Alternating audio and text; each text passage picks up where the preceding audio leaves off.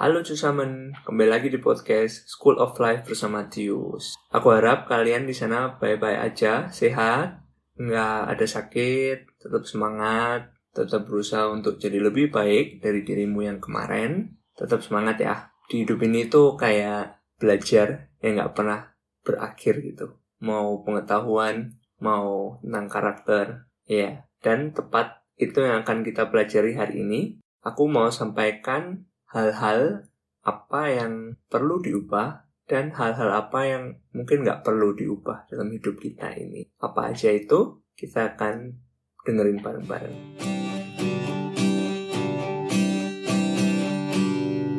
Oke, kita mulai aja dari hal yang tidak perlu kita ubah. Di sini aku ada tiga hal yang mau aku sampaikan.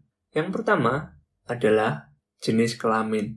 Jenis kelamin nggak perlu kita ubah karena kalau kamu diciptakan sebagai cowok, I believe that because you are capable to be a man, to be a gentleman. Jadi kamu tuh mampu buat jadi seorang ayah nanti kalau kamu sudah punya anak. Kamu mampu untuk jadi seorang suami yang bisa diandalkan nanti kalau punya istri. Kamu mampu untuk jadi seorang pemimpin dalam keluarga kamu.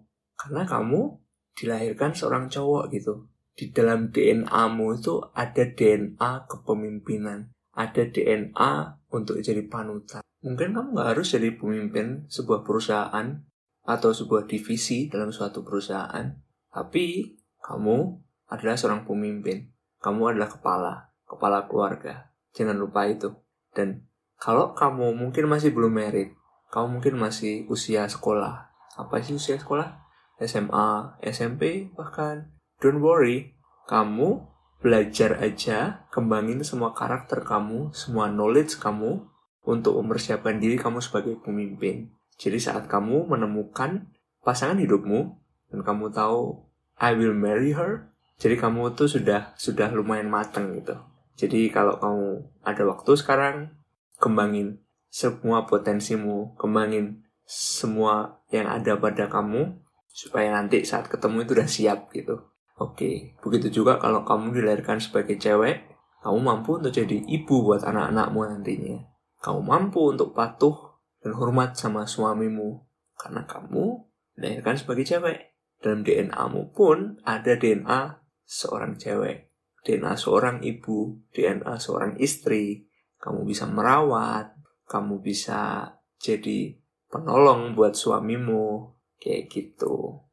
Poin selanjutnya adalah kamu nggak perlu berusaha buat mengubah ras kamu. Gimana wajah kamu, gimana bentuk muka kamu, bagaimana tinggi badan kamu. Menurutku kayak hal-hal seperti ini tuh nggak perlu gitu diubah-ubah. Karena kamu tuh cantik, kamu tuh ganteng. Jadi gini, satu poin yang aku kurang suka dulu waktu aku masih di Indonesia, tentang gambaran seorang wanita cantik. Ingat gak sih di iklan-iklan gitu?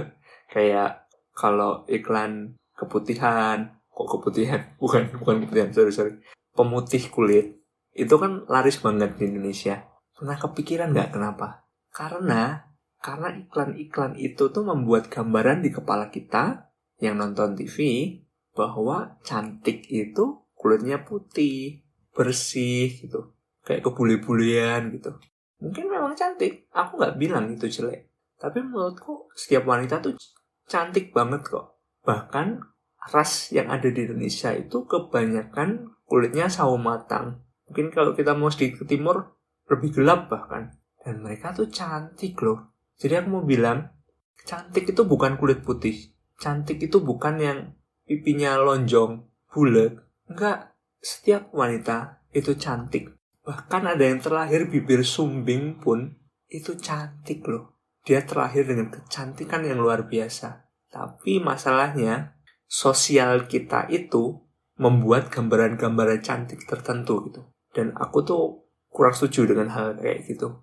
Mau top model kayak gimana yang di TV kelihatan badannya wah, bokongnya gede, susunya gede, ya toh. Tetap kalau orang bilang saat dia buang air besar, bau percaya deh mau kayak gimana dan aku cuma mau sampaikan kecantikan jasmani itu bisa menipu loh. Hati-hati. Buat cowok-cowok ya, please jangan cuma lihat cewek dari luar doang. Karena percaya deh, saat kamu menikah, kamu ketemu tiap hari, itu yang jadi pertama nih cantik, yang kamu anggap cantik itu sudah jadi biasa. Percaya sama aku. Bukan berarti dia nggak cantik lagi, tapi otak kamu itu sudah berpendapat bahwa it doesn't matter anymore. Kecantikan itu, fisik luar itu nggak matter lagi. Karena saat kamu menikahi seseorang, kamu menikahi pribadinya, kamu menikahi kelemahannya, kamu menikahi kelebihannya, dan kamu akan punya waktu banyak banget untuk mempelajari itu semua seumur hidupmu kalau bisa. Oke, demikian juga buat kamu para cewek-cewek nggak perlu lihat cowok badan seksi olahragawan gitu. I mean it's good. Bagus banget kok. Orang lihat itu. Orang bilang lihat buku jangan dari covernya doang. Iya. Tapi kalau nggak lihat covernya susah. Soalnya semua disegel kan dari luar. Tapi kasih kesempatan taruh di mindset bahwa ganteng itu nggak cuma dari fisiknya doang. Kamu cari cowok yang udah mateng jadi aku bilang setiap orang, setiap cowok itu mampu untuk memimpin keluarga. Cuman kapan dia mampu, kapan dia mateng, coba lihat itu. Nggak harus sempurna untuk bisa merit, nggak harus nunggu kebapaan atau gimana gitu. Tapi kamu lihatlah, kamu timbang. Kira-kira bisa nggak ya hidup dengan cowok seperti itu? Atau kalau kamu cowok, bisa nggak ya hidup dengan cewek seperti itu? Aku lihat kok dalam pernikahan banyak banget perubahan yang aku lihat pada istriku dan pada diriku juga. Jadi dalam pernikahan pun pasti juga belajar, jangan takut. Oke, poin selanjutnya, kita nggak perlu mengubah identitas keluarga kita. Kita nggak perlu repot-repot mengubah atau menutupi siapa ayah, siapa ibu kita, siapa saudara-saudara kita. Nggak perlu. Karena itu adalah identitas kita. Selain ras, karena mungkin ada orang-orang yang malu sama mama papahnya atau ada masalah terus berusaha deny, berusaha menolak kenyataan bahwa mereka adalah anaknya. No, nggak perlu kok. Kalau emang ada masalah, ya udah ada masalah aja gitu. Nggak perlu deny. Mereka tetap ayah dan ibu kamu. Mereka tetap saudara-saudara kamu. Cuman nggak perlu stres juga, nggak perlu dibawa pikiran juga. Karena menurutku family nggak selalu bloodline, nggak selalu ada karena hubungan darah family itu lebih kepada emotional bonding atau setiap relationship menurutku itu lebih kepada emotional bonding. Keluarga itu adalah orang yang support kamu saat kamu susah, support kamu saat kamu sukses, terima kamu, care sama kamu. Mungkin sedikit ada tuntutan, tapi it's okay. Dan jangan lupa, nggak ada hubungan yang perfect, nggak ada hubungan tanpa bertengkar. Bahkan dalam pertengkaran itu, kualitas suatu hubungan diuji. Saat kamu bertengkar sama saudaramu, kalian bisa baikan nggak? Ujiannya di situ. Kalau kalian nggak bisa baikan, mungkin kualitas hubungan kalian emang nggak terlalu baik. Demikian juga buat orang lain, nggak cuma dalam keluarga doang, sama pasangan. Saat kalian bertengkar, tahan uji nggak? Apa kalian bilang udahlah nggak usah? Saat kalian bilang udahlah nggak usah, mungkin kualitas hubungan kalian memang masih belum sematang itu belum sebagus itu. Gitu. Kita sudah belajar tiga hal yang nggak perlu diubah. Ya, aku tahu bisa operasi plastik. Ada. Kamu bisa ubah wajahmu kayak gimana, bodimu kayak gimana, jenis kelaminmu pun bahkan bisa diubah. Terus gimana dong bro sama orang-orang yang operasi plastik? Dari cewek jadi cowok, cowok dari cewek. Tenang aja, itu adalah hak mereka untuk melakukan itu. Aku nggak mau judge mereka. Dan kalian pun please jangan judge mereka. Kita harus kasih toleransi, kita harus hormati keputusan mereka. Oke? Okay? Cuman maksudku daripada kita fokus, kita invest waktu, kita invest uang untuk berusaha merubah hal-hal yang sebenarnya nggak perlu diubah gitu. Ya gak sih? Kalian boleh nggak setuju juga loh, terang aja. It's okay. Ya, hmm, kita akan lanjut ke hal-hal apa sih yang perlu diubah dalam hidup ini? Atau besser gesagt, hal apa sih yang butuh untuk ditingkatkan dalam hidup ini? Aku ada tiga hal yang mau aku sampaikan. Yang pertama adalah knowledge, skill. Yang kedua, dan yang terakhir adalah karakter. Kita mau bahas hal ini satu persatu, singkat aja. Knowledge adalah pengetahuan yang bisa kamu dapatkan atau kamu tingkatkan saat kamu belajar sesuatu, saat kamu tukar pikiran dengan orang lain, saat kamu mungkin lihat video di YouTube, gimana cara ini, gimana cara ini gitu.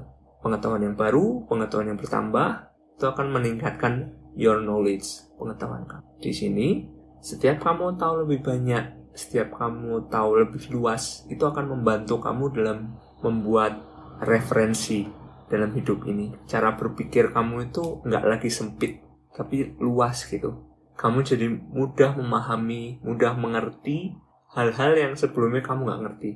Atau yang orang lain sampaikan. Karena kamu udah punya banyak referensi gitu. Saat orang ngomong, kamu nangkep, oh kira-kira ke sini. Karena aku pernah baca ini. Saat dia ngomong, oh kira-kira tentang ini. Jadi itu keuntungan kalau kamu punya knowledge yang gede. Kamu bisa ngomong sama banyak orang. Kamu bisa nyambung ngomong sama banyak orang lebih tepatnya. Demikian juga tentang skill. Skill adalah keahlian yang hanya meningkat kalau kamu melakukan sesuatu. Melakukan sesuatu berulang-ulang dari yang salah jadi lebih benar, lebih benar, lebih presisinya lebih bagus. Terus saat kamu sudah bisa melakukan dengan bagus, bahkan sempurna, mungkin saatnya kamu untuk memperbaiki waktu gimana kamu bisa lebih cepat lebih efisien gitu skill itu harus melakukan kamu bisa punya knowledge banyak banget tentang satu hal atau banyak hal tapi kalau kamu nggak melakukan kamu nggak akan pernah gain skill. Lalu yang terakhir adalah karakter. Beda sama knowledge beda sama skill karakter itu semakin diasah semakin ditempa saat kamu mengalami sesuatu. Meistens atau kebanyakan saat kamu mengalami hal-hal yang tidak mengenakkan kamu, tidak membuat kamu nyaman. Karena di situ kamu harus berusaha menerima kenyataan, kamu berusaha punya karakter yang kuat untuk menghadapi hal-hal yang seperti itu gitu. Contoh yang paling gampang dan mungkin kamu sering dengar, ada dua orang anak 10 tahun, dua-duanya, sekolah di sekolah yang sama, yang satu tiap hari diantar naik mobil di rumah les main besok sekolah lagi yang lain harus bekerja pulang sekolah bantu orang tua masih ngerjain PR juga ada main terus sekolah lagi. Kamu perhatiin kebanyakan dua orang ini punya karakter yang sangat berbeda. Kalau dia mengalami sesuatu yang bekerja aku yakin dia lebih dewasa. Aku nggak bilang yang nggak kerja itu jelek ya. No aku nggak bilang gitu. Kalau emang mampu kenapa enggak cuman yang aku mau tekankan itu karakternya beda kedewasaannya beda cara memanage kemarahan cara memanage emosi itu pasti beda karena dia udah terbiasa dengan hidup yang tidak membuat dia nyaman gitu dia udah terbiasa dengan hal-hal yang seperti itu kayak gitu gitu sih dari aku tentang hal yang perlu diubah sama hal yang nggak perlu diubah. Menurutku hal ini penting untuk diketahui sih. Alasannya simple kok. Supaya kita tuh tahu gitu. Mana yang jadi fokus kita dan mana yang mungkin kita bisa belajar untuk terima gitu. Ya, gitu sih buat hari ini. Makasih banget buat yang udah dengerin sampai sekarang. Aku cuma mau share sedikit. Sebenarnya Kali ini aku tuh mau cerita hal yang lain, yaitu tentang lingkaran hubungan atau circle relation atau relation cycle ya bahasa, bahasa Inggrisnya. Ya, antara itu sama itulah. Terus saat aku nyiapin, aku tuh ngeh gitu. Kayak aku masih belum bisa menerapkan lingkaran hubungan ini dalam hidupku. Terus jadi ya udahlah gitu. Kayak ngapain aku cerita sesuatu yang aku sendiri nggak good at it gitu. Jadi ini buat aku adalah sebuah PR.